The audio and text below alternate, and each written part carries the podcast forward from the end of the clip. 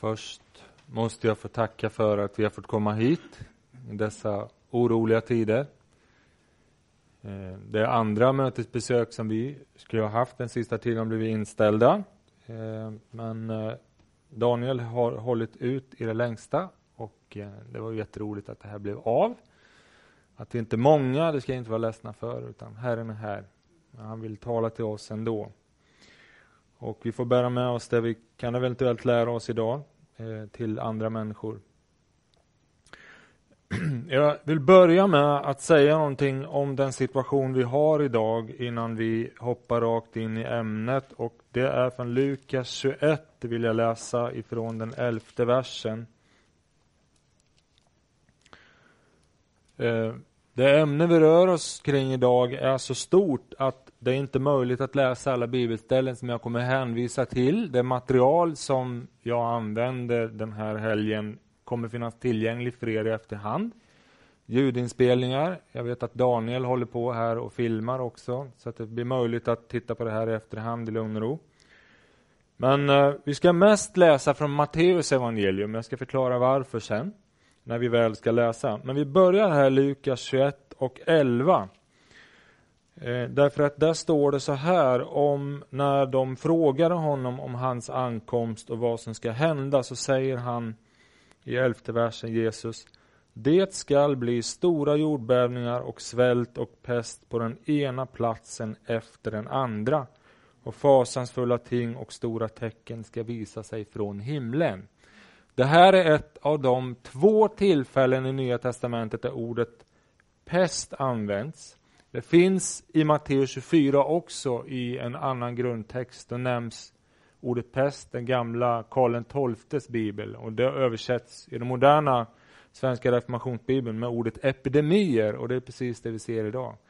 Och Det märkliga är att det står att det ska bli stora jordbävningar, svält och pest på den ena platsen efter den andra. Här tycker jag nästan att Jesus förutsäger att världen ska vara ganska liten precis innan han kommer. Vi ska veta vad som händer runt omkring. Och nu är det alltså någonting som började i Kina som plågar vårt samhälle. Så att jag tror verkligen att vi är i ändens tid. Och därför så känns det väldigt värdefullt att få mötas så här och studera det här ämnet. Jesus kommer tillbaka. Läran om den yttersta tiden och Jesu andra tillkommelse. Varmt tack att ni vill dela den här stunden med oss och tack att vi får vara här. Att Jesus ska komma tillbaka är en vital del av den kristna tron. Vi ser i Gamla testamentet på gång efter gång att den förutsägs. I Nya testamentet säger de som har räknat att den nämns 250 gånger att Jesus ska komma på det ena eller andra sättet. Hans andra tillkommelse nämns mer än hans första när han föddes i Betlehem. Och kanske är det just för att här knyts allting ihop och vi inte ska glömma det. Utan tron på detta så skulle vi inte ha en komplett tro. Vi skulle bara veta hur saker och ting har börjat och vi skulle känna till att Jesus hade dött på Golgata för vår skull, men vi skulle inte veta hur allting slutade. Så liksom första Mosebok ger oss en introduktion till varför världen ser ut som den gör, så kommer Uppenbarelseboken i första hand, men all, även allt det andra som står om Jesu tillkommelse. Det ger oss en bild av hur allting slutar. Och utan den skulle vi helt enkelt inte ha en fullständig tro. Vi skulle sväva ovisshet om vad som händer. Det jag vill göra nu i den här del 1, vi har två delar idag och en del imorgon.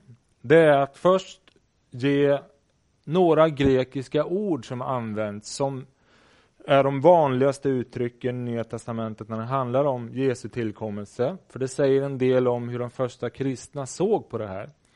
Och sen ska vi angripa frågan om Jesu tillkommelse med hjälp av de här fem frågorna. Vem, varför, hur, var och när. Där har jag hämtat inspiration från en bibellärare som heter David Pawson som har angripit det på samma sätt. Jag har inte tagit hans material, men frågorna är därifrån. Jag tycker det är ett bra sätt att titta på det hela. Jag läser nu från Svenska folkbibeln 98 också. Det är eh, min bibelöversättning. Eh, det sista jag ska säga innan vi går in på det här, det är att att studera det här, det är som att lägga ett pussel. När det gäller ramen, ni vet man lägger ett stort pussel, så den är ganska lätt att få dit. För det syns på bitarna att det här är på något vis ramen. Va? Men ju längre man kommer den sista biten för att få dit den, ju svårare blir det. Och jag satt och tänkte här innan, det är precis så det är när vi studerar det här. Ramen är ganska lätt att få dit. Vi vet att Jesus kommer. Och när det gäller de stora dragen så kan vi slå fast ganska tydligt, det här och det här och det här kommer att hända.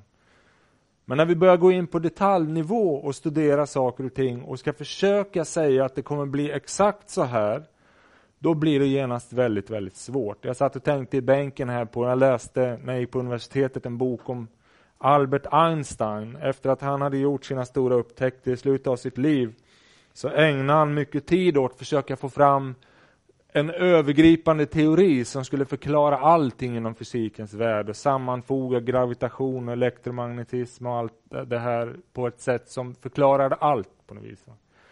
Och han skriver i sina brev till folk, som det stod om i den här biografin, då, att nu är jag jättenära ett genombrott. Jag hade en mycket lovande idé och så bröt den ihop.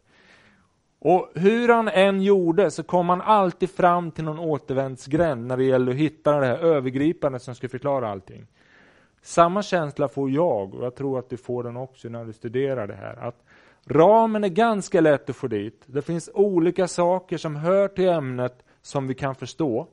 Men när vi sätter ihop det till en helhet är det alltid någonting som skaver och inte passar in riktigt. Vi förstår inte riktigt.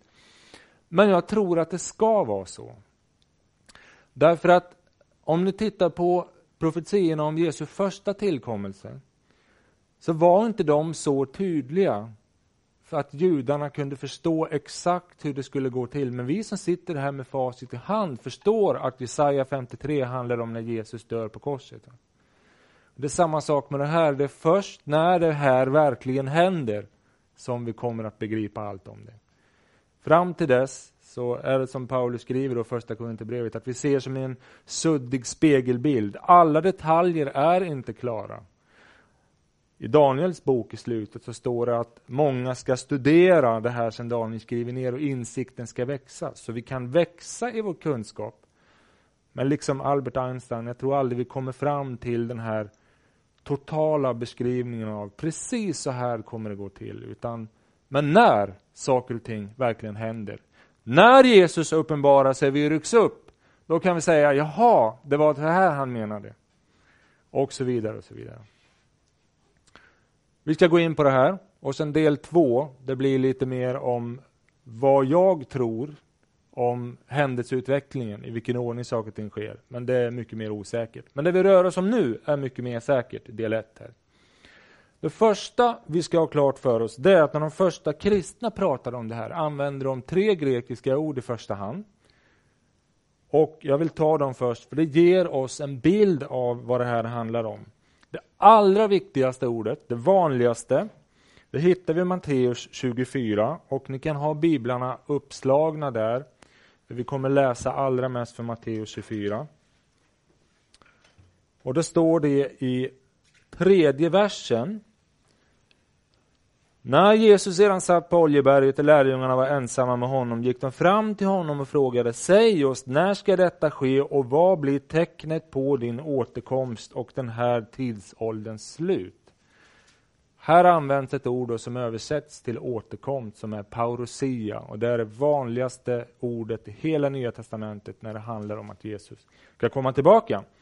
Det betyder tillkommelse, ankomst eller närvaro användes under första århundradet när en viktig person, till exempel kejsaren, kom till en plats på besök.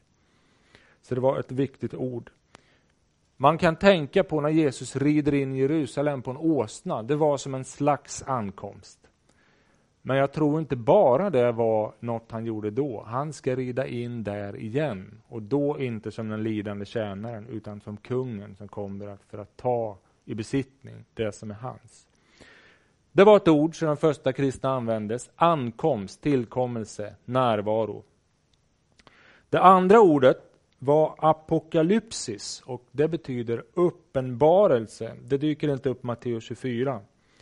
Men det kan vi hitta på andra ställen i Bibeln. Men ni ser några hänvisningar. Första Korinthierbrevet 1.7, Andra Tess 1.7, Första Petrusbrevet 1.7 till exempel. Det handlar om att Jesu återkomst uppenbarar hur saker och ting egentligen är, vem han är och vart världen egentligen är för någonting. Saker och ting nämns vid dess rätta namn. Och i dessa tider med så mycket mediabrus och så mycket osäkerhet och man funderar ibland på vem kan man lita på egentligen?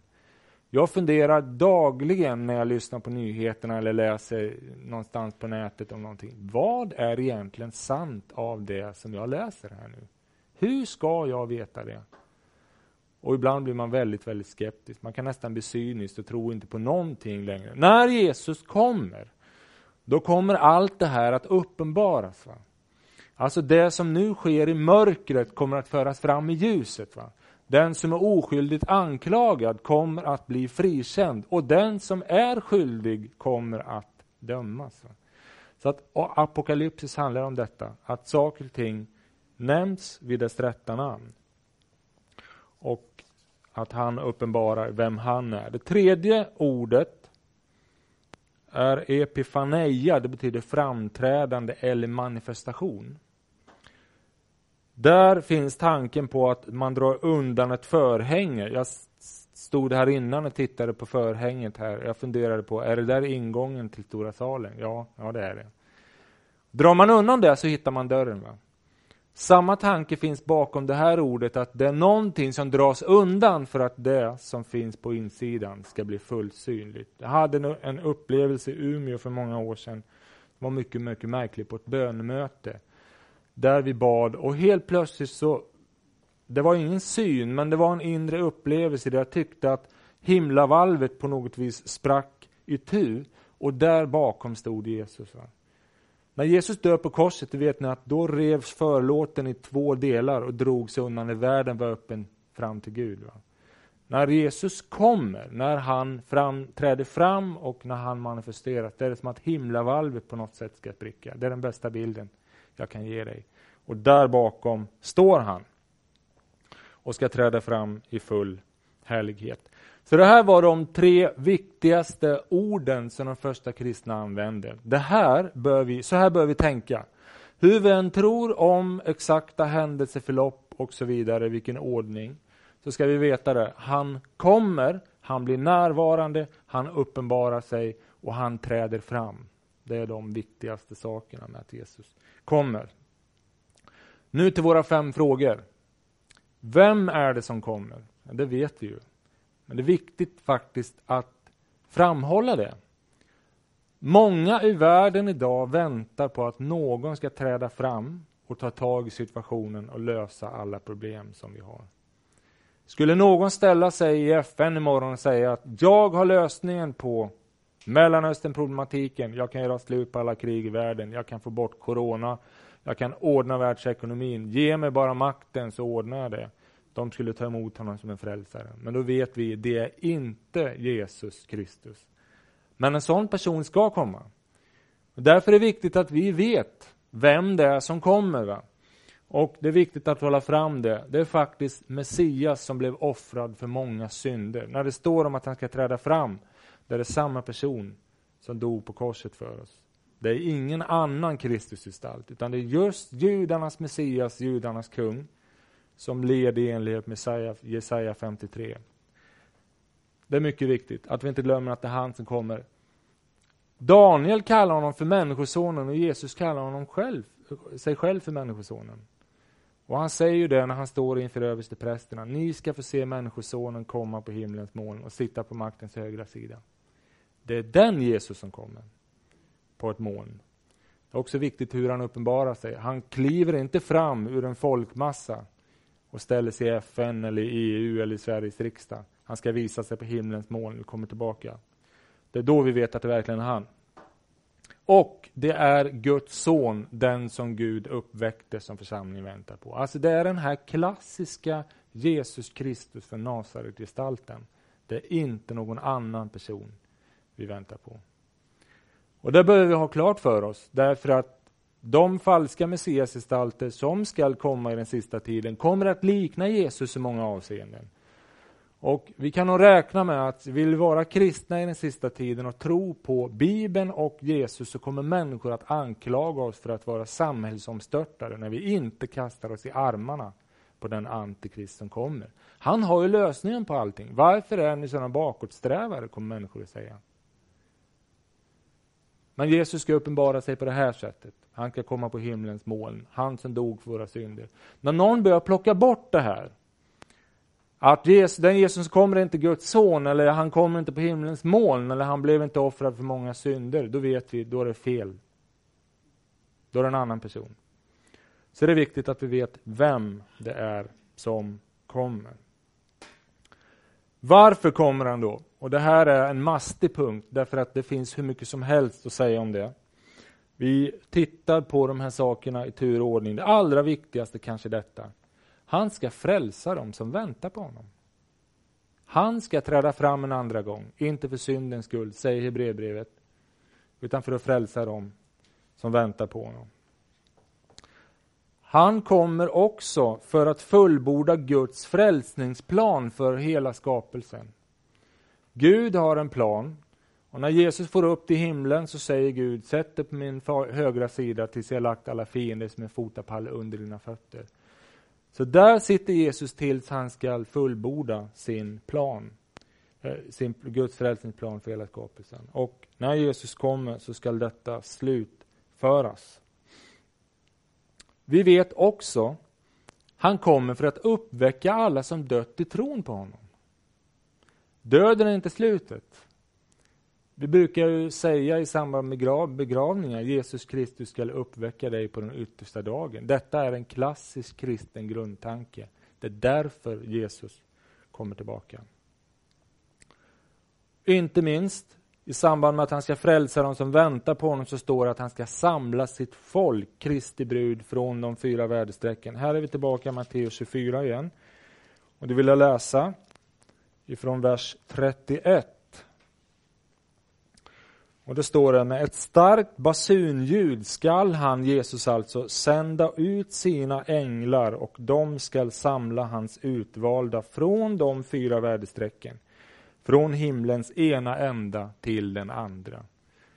Varje måndag, första måndagen i månaden klockan tre, när det här Hesa Fredrik ljuder över landet, tänker jag alltid på det här. Alltid.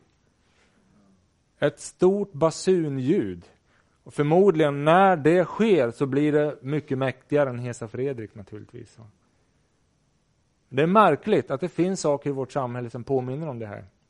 Ett basunljud. Och han ska samla sitt folk från de fyra väderstrecken. Det är också så, och det får vi inte glömma, han skall återupprätta riket åt Israel. Gud har inte tagit sin hand från det judiska folket. När Jesus kommer, det var det lärjungarna frågade i Apostlagärningarna 1, Herre, är nu tiden inne för dig att återupprätta riket åt Israel? Då sa inte Jesus, nej, jag kommer inte göra det, han sa bara att när jag gör det, det är inte er ensak. Nu ska ni gå ut i hela världen och vittna om vad jag har gjort. Men han kommer för att återupprätta kungariket åt Israel. Och samtidigt då förgöra ett falskt fridsrike som skall finnas i världen då genom personen Antikrist. Det finns mer att säga om detta. Och det ska vi göra senare. Därför att han ska upprätta ett tusenårsrike också. Det säger Bibeln väldigt tydligt. Och då slutför han den del av sitt messianska uppdrag som inte till fullo blev uppfyllt vid den första tillkommelsen. Det här är en anledning till varför många judar i vår tid och under århundradena inte har kunnat tro att Jesus var Messias. Därför att de säger, men han uppfyllde ju inte profetiorna när han kom första gången. Men det är just det här som är grejen. Jesus gör vissa saker vid sin första ankomst. Sen gör han resten när han kommer igen och slutför då planen. Han skall också pröva kvaliteten på sina tjänares verk och löna dem för det. Därför kommer Jesus. Och han kommer för att döma alla människor, levande och döda. Och inte minst, och här är ett bibelställe som är väldigt missförstått. Matteus 25, vi håller ju tummen i Matteus. Det behöver sägas i dessa tider. i Människosonens dom som står i Matteus 25 från vers 31. Då säger Jesus i vers 34 då ska konungen säga till dem som står på högra sidan, kom ni min faders välsignade, tar besittning det rike som stått färdigt åt er från världens begynnelse. Ty jag var hungrig, ni gav mig att äta, jag var törstig, ni gav mig att dricka, jag var främling och ni tog emot mig, jag var naken, ni klädde mig, jag var sjuk och ni besökte mig, jag var i fängelse, ni kom till mig. Då ska de rättfärdiga svara honom, Herre, när såg vi dig hungrig eller gav dig att äta eller törstig gav dig att dricka? Och när såg vi dig vara främling och tog emot dig eller naken och klädde dig? Och när såg vi dig sjuk eller i fängelse och kom till dig? Då ska konungen säga det, svara dem, Amen säger jag er, allt vad ni har gjort för en av dessa mina minsta bröder, det har ni gjort mot mig. Många som läser det här glömmer att det står mina bröder. Och så används det här som argument för att vi ska arbeta för de fattiga, för främlingarna, för de sjuka. Det är alltid rätt att göra gott mot de som har det svårt. Men det här handlar inte om det. Det handlar om att världen ska dömas efter hur de har behandlat Guds församling. När Paulus, innan han blev Paulus, han hette Saulus, förföljde de kristna, då säger Jesus, varför förföljer du mig? Så att det är oerhört viktigt att komma ihåg. Vi ska få upprättelse. Är vi nu utstötta, och ni ska veta det, det är 250 000 människor ungefär varje år som ger sitt liv för att de tillhör Jesus Kristus. Det kommer han att ta tag i när han kommer tillbaka. Och utdöma ett rättvist straff. Därför det han frågar här efter det, det är inte om världens nationer har hjälpt de fattiga i allmänhet. Han har frågat, hur har ni behandlat mina bröder? Och tittar du i Matteus evangelium så ser du väldigt tydligt att när Jesus pratar om sina bröder menar han alltid sina lärjungar. Det är mycket viktigt. Därför kommer Jesus också. Sen ska vi hjälpa fattiga, vi ska hjälpa flyktingar, vi ska hjälpa de sjuka och vi ska besöka de som sitter i fängelse. Men det är inte det Jesus pratar om i Matteus 25, vers 31-46. Så det här är ett axplock varför Jesus kommer. Tredje frågan, var kommer Jesus någonstans? Det är en väldigt bra fråga. Och här kommer vi in på någonting som är lite paradoxalt. Och det är inte ovanligt när det gäller de här sakerna att det ser ut som att det sker på två skilda sätt samtidigt. Titta nu här. Var dyker Jesus upp när han kommer? Vi läser Matteus 24, vers 27. Vi kan läsa från vers 23. Om någon då säger till er, se, här är Messias eller där är han, så tro det inte. Ty falska Messiasgestalter och falska profeter ska träda fram och göra stora tecken under för att om möjligt bedra även de utvalda. Jag har nu sagt er detta i förväg. På ett annat ställe står det, jag har sagt er allt i förväg. Det är viktigt att komma ihåg. Om de alltså säger till er, han är i öknen så gå inte dit, eller han är i de inre rummen så tro det inte. Och så kommer det då. Det liksom blixten går ut från öster och syns ända borta i väster, så skall Människosonens ankomst vara. Det här är något kosmiskt över det. Alltså jag tänker mig att hela världen ser det här. Jesus kommer tillbaka överallt på något vis.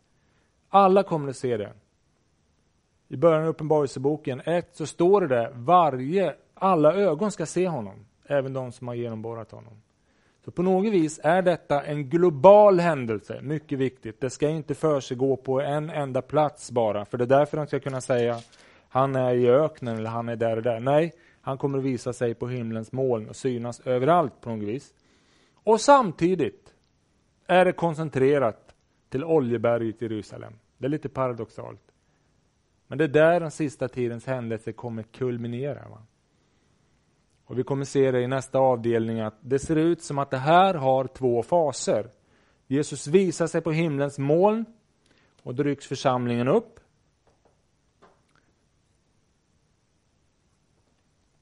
–24.31. Det läste vi. När han visar sig på himlens moln, då sägs ingenting om att han landar då.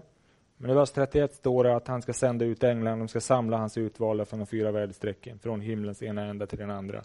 Men vi vet också att han ska sätta fötterna på Oljeberget. Sakarja 14 säger detta. Och i början av Apostlagärningarna 1 och 11, när lärjungarna står och ser mot himlen, så säger änglarna att Jesus skall komma tillbaka på samma sätt som han for upp. Så att det kommer att hända överallt och samtidigt vara koncentrerat till Jerusalem, Oljeberget. Mycket, mycket märkligt. Men det är inte den enda saken som är... Eh, det finns sådana spänningar i det här. Därför att Jesu återkomst är också väntad men också oväntad. Den sker globalt och lokalt, den är väntad och oväntad. Det finns många sådana spänningar i det här som är intressant. Så det ska vi förvänta oss. Människosonen kommer på himlens moln som blixten och stiger också i ett senare skede ner till Oljeberget. Vi kommer tillbaka till det i del två. Den stora frågan lärjungarna hade var, när ska det här ske? Och det var ju det de sa i vers 3 i Matteus 24. När Jesus sedan satt på Oljeberget och lärjungarna var ensamma med honom gick de fram och frågade honom Säg oss, när skall detta ske? Och vad blir tecknet på din återkomst och den här tidsålderns slut? Vi hoppar också till apostlärningarna, för lärjungarna är lite tjatiga. De ställer samma fråga flera gånger. Och i Apostlagärningarna 1 och 6. När de nu var samlade frågade de honom, Herre, är tiden nu inne för dig att återupprätta riket åt Israel? Det var det här som upptog deras tankar. När ska det här ske? Och Vi ska titta lite snabbt på vad Bibeln säger. Det första vi ska konstatera, om vi är i Matteus 24, det är det som står i vers 36. Men om den dagen eller stunden vet ingen något, inte himlens änglar, inte ens sonen, ingen utom Fadern. Det är inte möjligt att säga exakt vilken dag det sker. Samtidigt säger Jesus precis innan i vers 32 att vi ska lära av en jämförelse med fikonträdet. Redan när kvisten blir mjuk och bladen spricker ut vet ni att sommaren är nära. När ni ser allt detta, när ni ser allt detta vet ni på samma sätt att han är nära och står vid dörren. Så här ser ni spänningen igen. va? Det är väntat men ändå oväntat. När, en stund när ni inte anar det, säger Jesus på ett annat ställe, då kommer Människosonen. Samtidigt säger han, det finns tecken som ska visa att det här händer. Och det är det vi sjunger. Tidstecknen visar att Herren är nära. Eh, jag vill hoppa till ett viktigt bibelställe i Andra Thessalonikerbrevet. Därför att Paulus visar oss att det finns saker som måste ske innan Jesus kommer.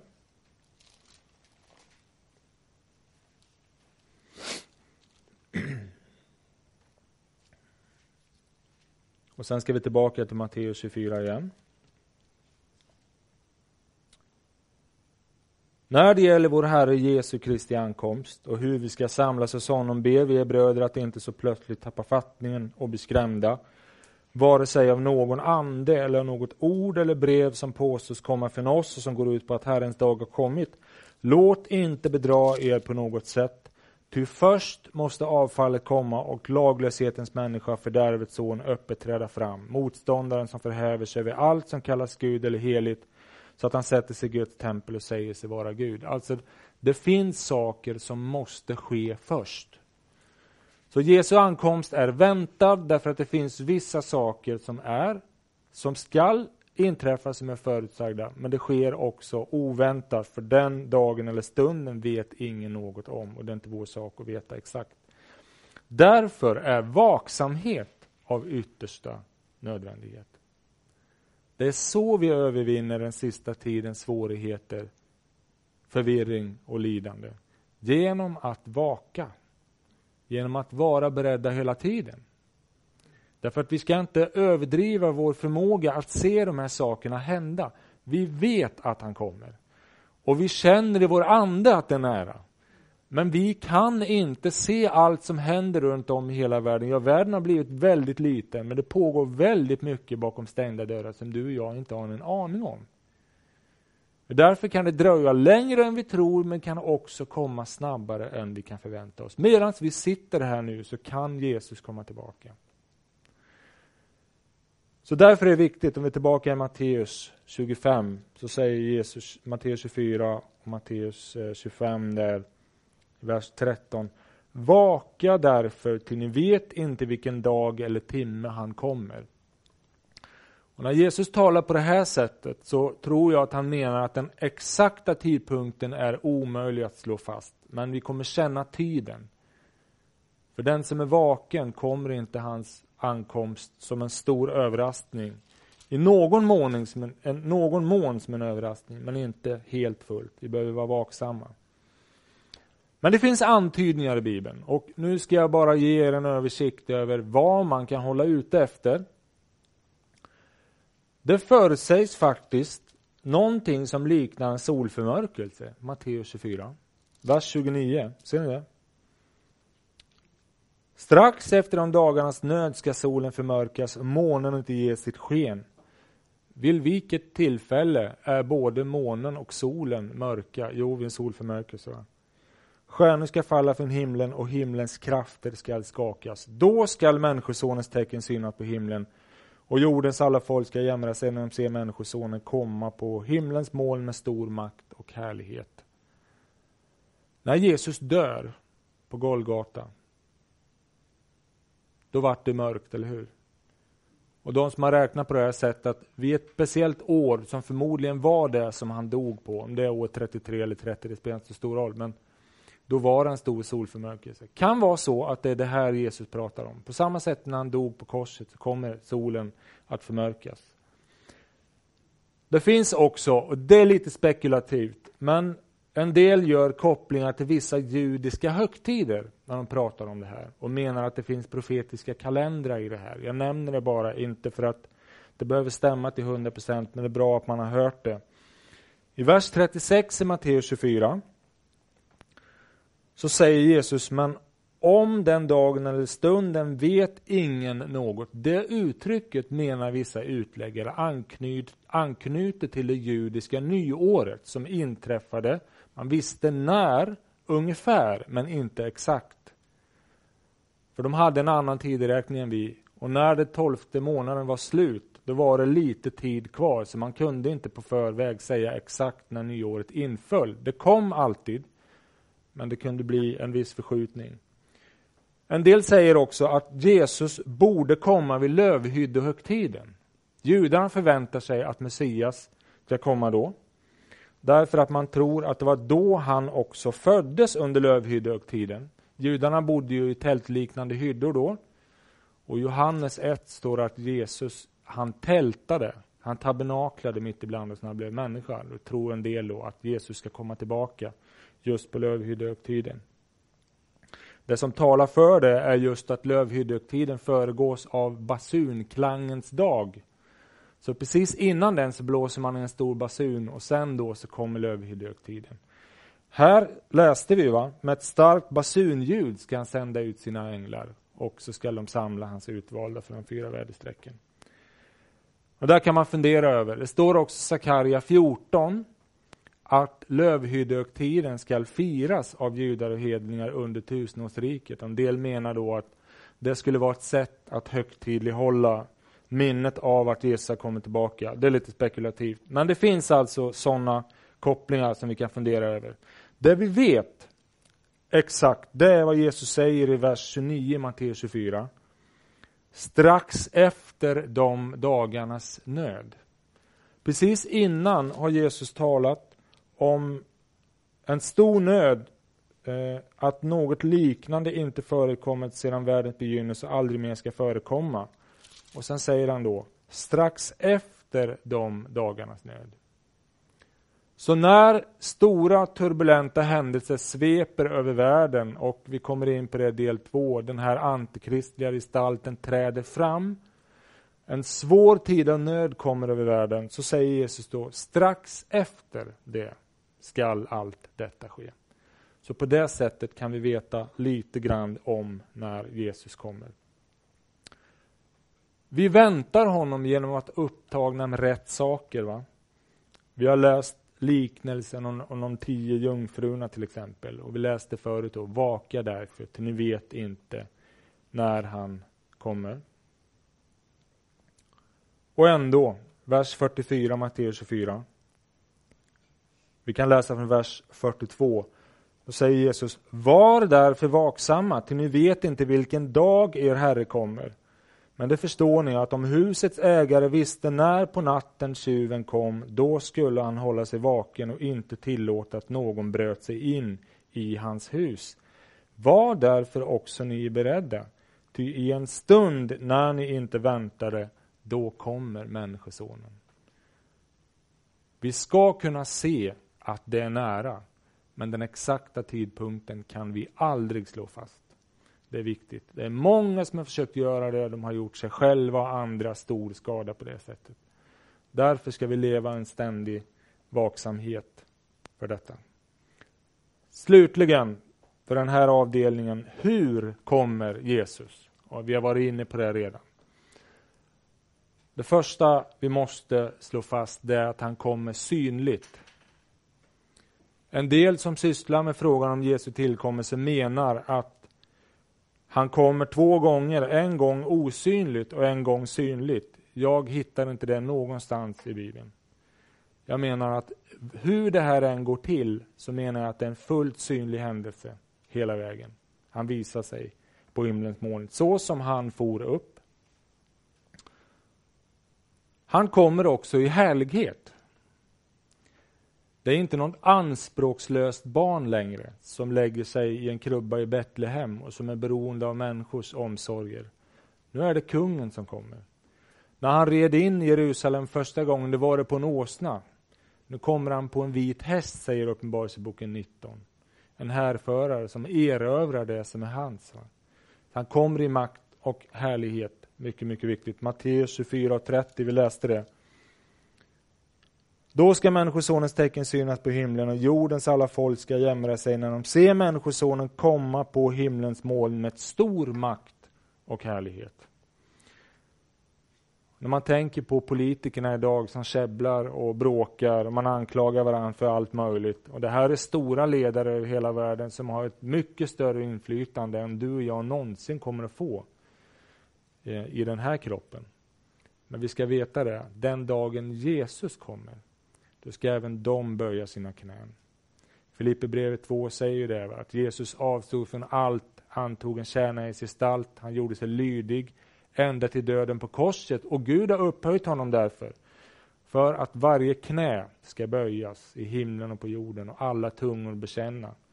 Och då är det slut med allt det där politiska käbblet. Då kommer folk att förstå var makten har legat hela tiden. Hos Jesus. Och alla måste erkänna detta. Det är fantastiskt. Jag ser fram emot den dagen. Det märkliga är också att Jesus kommer inte ensam. Jag vet inte om du har tänkt på det. I Judas brev så profeterar Hanok om att Herren kommer med alla sina heliga för att sitta till doms. Och här finns lite olika skolor, vilka det är som följer med. Läser vi Matteus 24 då har Jesus änglarna med sig. va? I vers 31. Med stark basunljud ska han sända ut sina änglar. De ska samla hans utvalda från de fyra världsstrecken. Från himlens ena ända till den andra. Vi kan hoppa till Uppenbarelseboken 19. Som också talar om att det finns ett visst antal personer som följer med Jesus när han kommer. Matteus 19, från vers 11. Jag såg himlen öppen och se en vit häst och han som satt på den heter trofast och sann och han dömer och strider i rättfärdighet. Hans ögon var som eldslågor och på sitt huvud bar han många kronor. Han hade ett namn skrivet som ingen känner utom han själv. Han var klädd i en mantel som hade doppats i blod och det namn som han har fått är Guds ord. Och så kommer det då de himmelska herrarna följde honom på vita hästar och de var klädda i vitt rent linnetyg. Och de himmelska herrarna skulle kunna vara änglar, Det kan också vara så att det här är en hänsyftning på den uppryckta och förhärligade församlingen. För vi ser ju att församlingen ska ryckas upp Herren till mötes.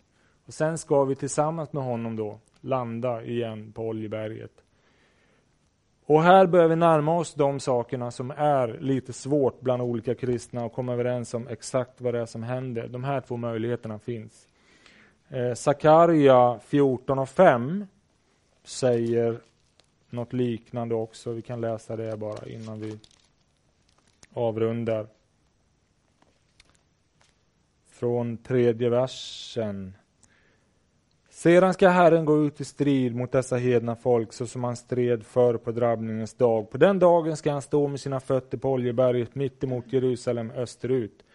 Och Oljeberget ska delas mitt itu från öster till väster till en mycket stor dal genom att ena hälften av berget viker undan mot norr och andra hälften mot söder. Och ni ska fly ner i dalen mellan mina berg, till dalen mellan bergen ska sträcka sig till Asel. Ni ska fly sen när man flydde för jordbävningen på Ussias, Usias, judakungs tid.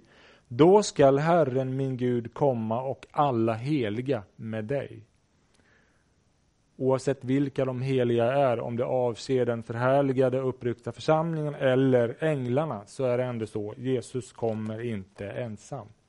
Han har med sig sina himmelska arméer.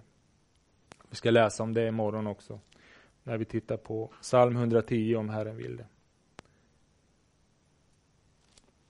I alla fall, det här var en mycket, mycket kort introduktion till att Jesus kommer tillbaka. Varför han kommer, när han kommer, hur han kommer och att han kommer. Vi ska vara glada och tacksamma för det. Nästa del om en stund, så ska vi titta lite grann på de olika skillnader som finns mellan kristna när det gäller hur det här går till, i vilken ordning och vad de olika händelserna har för betydelse. Och Sen ska jag lämna ett förslag till hur man kan se på det här som ni får pröva. Men ramen, den tycker jag vi har lagt nu. Och den kan vi vara överens om. Sen kan vi prata om detaljerna, innehållet därefter. Låt oss gå till Herren i bön innan vi tar en paus. Herre Jesus, tack att du ska komma tillbaka. Vi väntar på denna dag, Herre. Tack Herre att du ska uppenbara dig på himlens moln i stor makt och härlighet. Hjälp oss Herre att vi är vakande, redo Tack älskade Herre Jesus att du kommer. Och jag vill be för vårt land och vårt folk i den här tiden som är nu. Där ditt ord bokstavligen går i uppfyllelse. Det går epidemier över hela världen. Vi förstår av detta att tiden är nära. Du står vid dörren, Herre Jesus. Och jag ber för vårt land, vårt folk. Låt oss få uppleva ett mäktigt andligt uppvaknande i denna sena tid. Så att många, många fler är redo Jesus. Den dag då du uppenbarar dig på himlens skyar. I Jesu namn. Amen. Amen. Amen.